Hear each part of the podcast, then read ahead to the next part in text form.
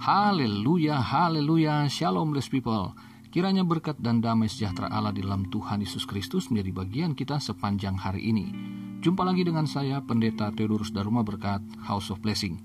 Tema kita hari ini adalah Iman itu gak sebesar roti keles.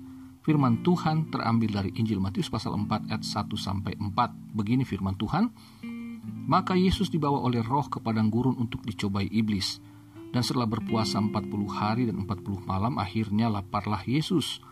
Lalu datanglah si pencoba itu dan berkata kepadanya, Jika engkau anak Allah, perintahkanlah supaya batu-batu ini menjadi roti. Tetapi Yesus menjawab, ada tertulis, manusia hidup bukan dari roti saja, tetapi dari setiap firman yang keluar dari mulut Allah. Nah, blessed people, surah yang terkasih dalam Tuhan, ayat-ayat yang kita baca tadi menunjukkan bahwa Yesus, Allah yang berinkarnasi menjadi manusia, memiliki rasa lapar sama seperti saudara dan saya. Ketika ia berpuasa 40 hari 40 malam, Alkitab mencatat dia dicobai oleh iblis. Tapi ingat, yang dicobai iblis adalah manusianya Yesus. Sebab kealahan Yesus tidak dapat dicobai oleh siapa pun juga dalam rasa laparnya adalah wajar jika Yesus membutuhkan makanan. Pada saat itu di Israel dan masih sampai pada hari ini sih kebutuhan utama atau makanan utama daripada uh, orang Israel adalah roti. Yesus digoda untuk menggunakan kuasanya mengubah batu menjadi roti. Tetapi Yesus tidak mau melakukannya Mengapa? Karena Yesus tidak ingin menggunakan kekuasaan dengan serampangan. Dia tidak ingin mendemonstrasikan kemahakuasaannya atas permintaan iblis. Karena Yesus nanti akan mempraktekkan apa yang disebut mujizat-mujizat karena kehendak Bapaknya yang di sorga. Jadi bukan atas tuntutan dari pihak mana pun, saudaraku, tapi karena kehendaknya sendiri.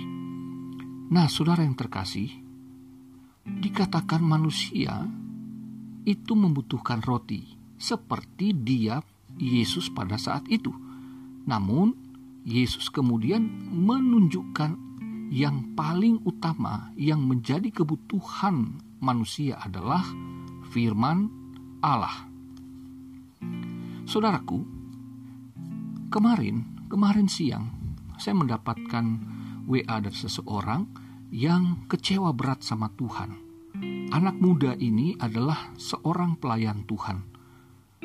Saya kenal anak muda ini. Dia setia melayani dan sering bersaksi tentang bagaimana Tuhan memelihara dia.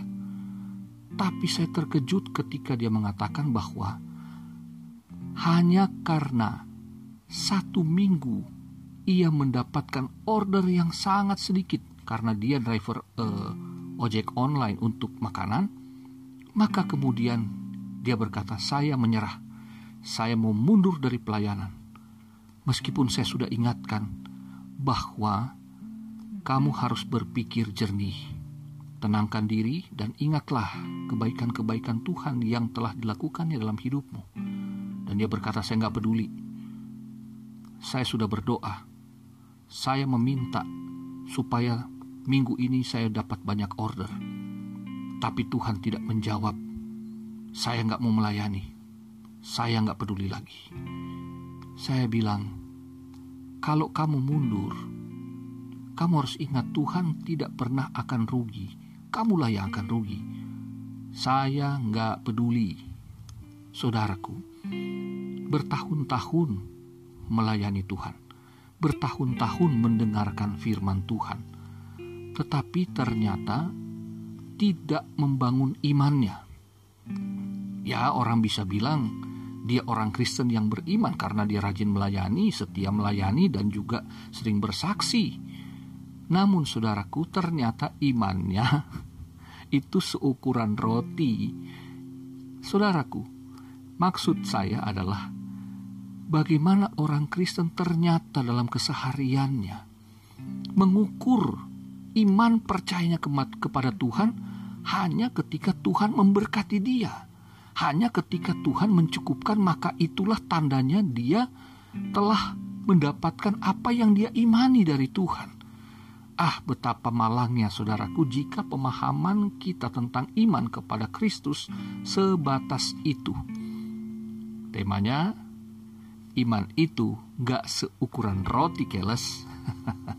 Saudaraku, tapi ini gak mengherankan sih, karena Tuhan Yesus pernah berkata tentang perumpamaan mengenai seorang penabur dalam Matius pasal 13 ayatnya yang ke-22 yang ditaburkan di tengah semak duri ialah orang yang mendengar firman itu lalu kekhawatiran dunia ini dan tipu daya kekayaan menghimpit firman itu sehingga tidak berbuah. Jadi anak muda ini meskipun dia mendengarkan firman Tuhan setiap minggu karena dia melayani setiap minggu sebagai pemain musik, tetapi ternyata firman itu tidak pernah berbuah. Kenapa? Karena terhimpit oleh kekhawatiran akan dunia ini. Jadi ada empat jenis tanah yang Yesus sampaikan di dalam perumpamaan itu dan ternyata anak muda ini ada di tanah hati yang menghasilkan semak duri doang, saudara. Nah, mari kita belajar dari apa yang dikatakan di sini. Memang kita ada saatnya Tuhan uji.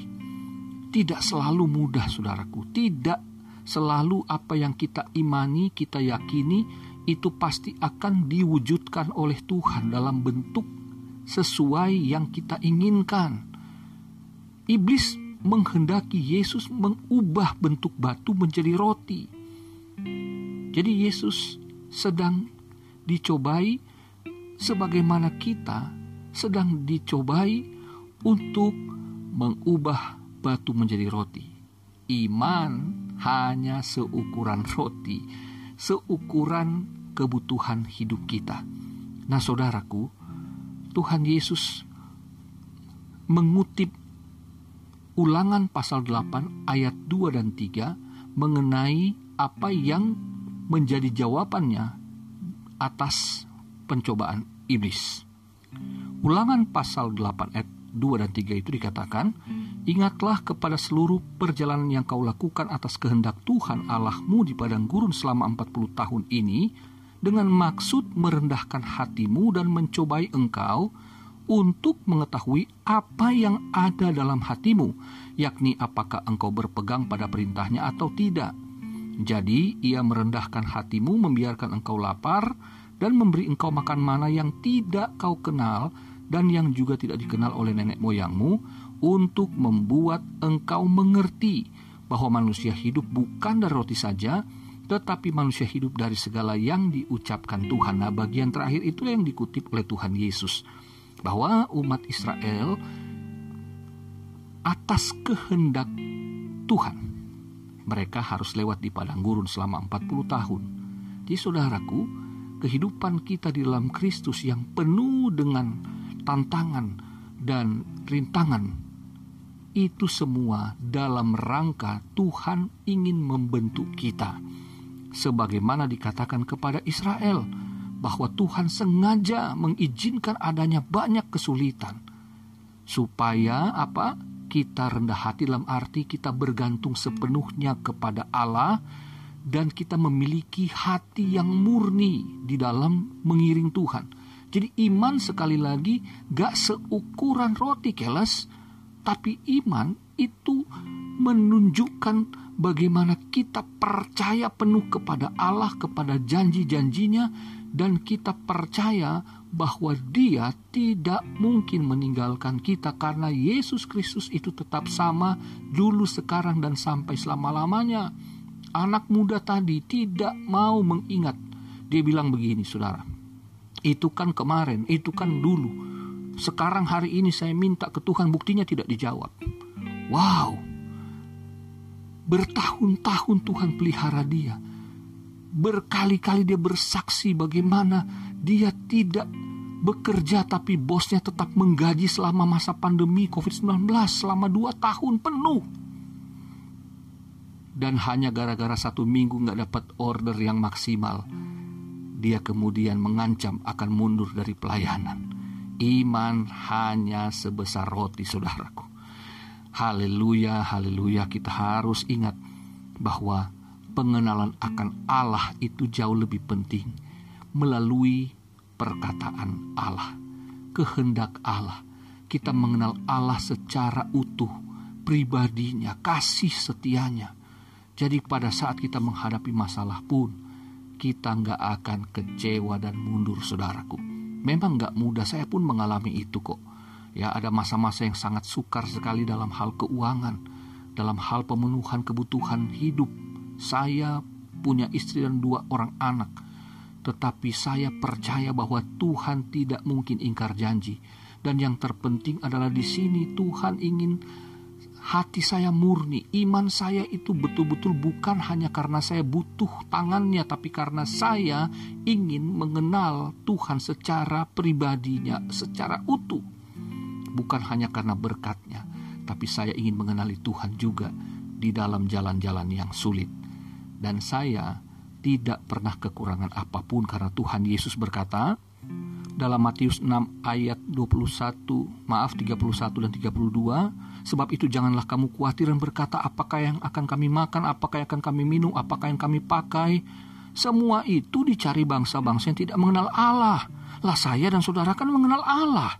Akan tetapi Bapamu yang di sorga tahu bahwa kamu memerlukan semuanya itu apa yang harus kita ragukan dari dia. Tetapi carilah dahulu kerajaan Allah dan kebenarannya maka semuanya itu akan ditambahkan kepadamu. Itu fix. Saya percaya Tuhan tidak pernah berubah kasih setianya. Dan saya memang akhirnya menerima apa yang menjadi kebutuhan saya setelah saya merendahkan diri, mengizinkan ujian dari Tuhan itu datang kepada saya. Karena pada akhirnya pun ketika Yesus tetap berpegang teguh kepada apa yang menjadi prinsip yang utama. Lalu kemudian Matius pasal 4 ayat 11 itu setelah Yesus dicobai dikatakan lalu iblis meninggalkan dia dan lihatlah malaikat-malaikat datang melayani Yesus. Di saudaraku, ketika kita bertahan sebagaimana Yesus tidak mau tunduk kepada keinginan daging apalagi keinginan dosa, terutama soal kebutuhan hidup, maka kita akan melihat Allah akan mengirimkan berkatnya segala yang kita butuhkan tepat pada waktunya. Mari kita tetap satukan hati kita, iman percaya kepada Kristus, bukan kepada roti, bukan kepada berkatnya, tapi kepada Allah, Sang Sumber Berkat, Sang Roti Hidup. Selamat beraktivitas, Tuhan Yesus mengasihimu. Tuhan Yesus memberkatimu. Haleluya, bless people.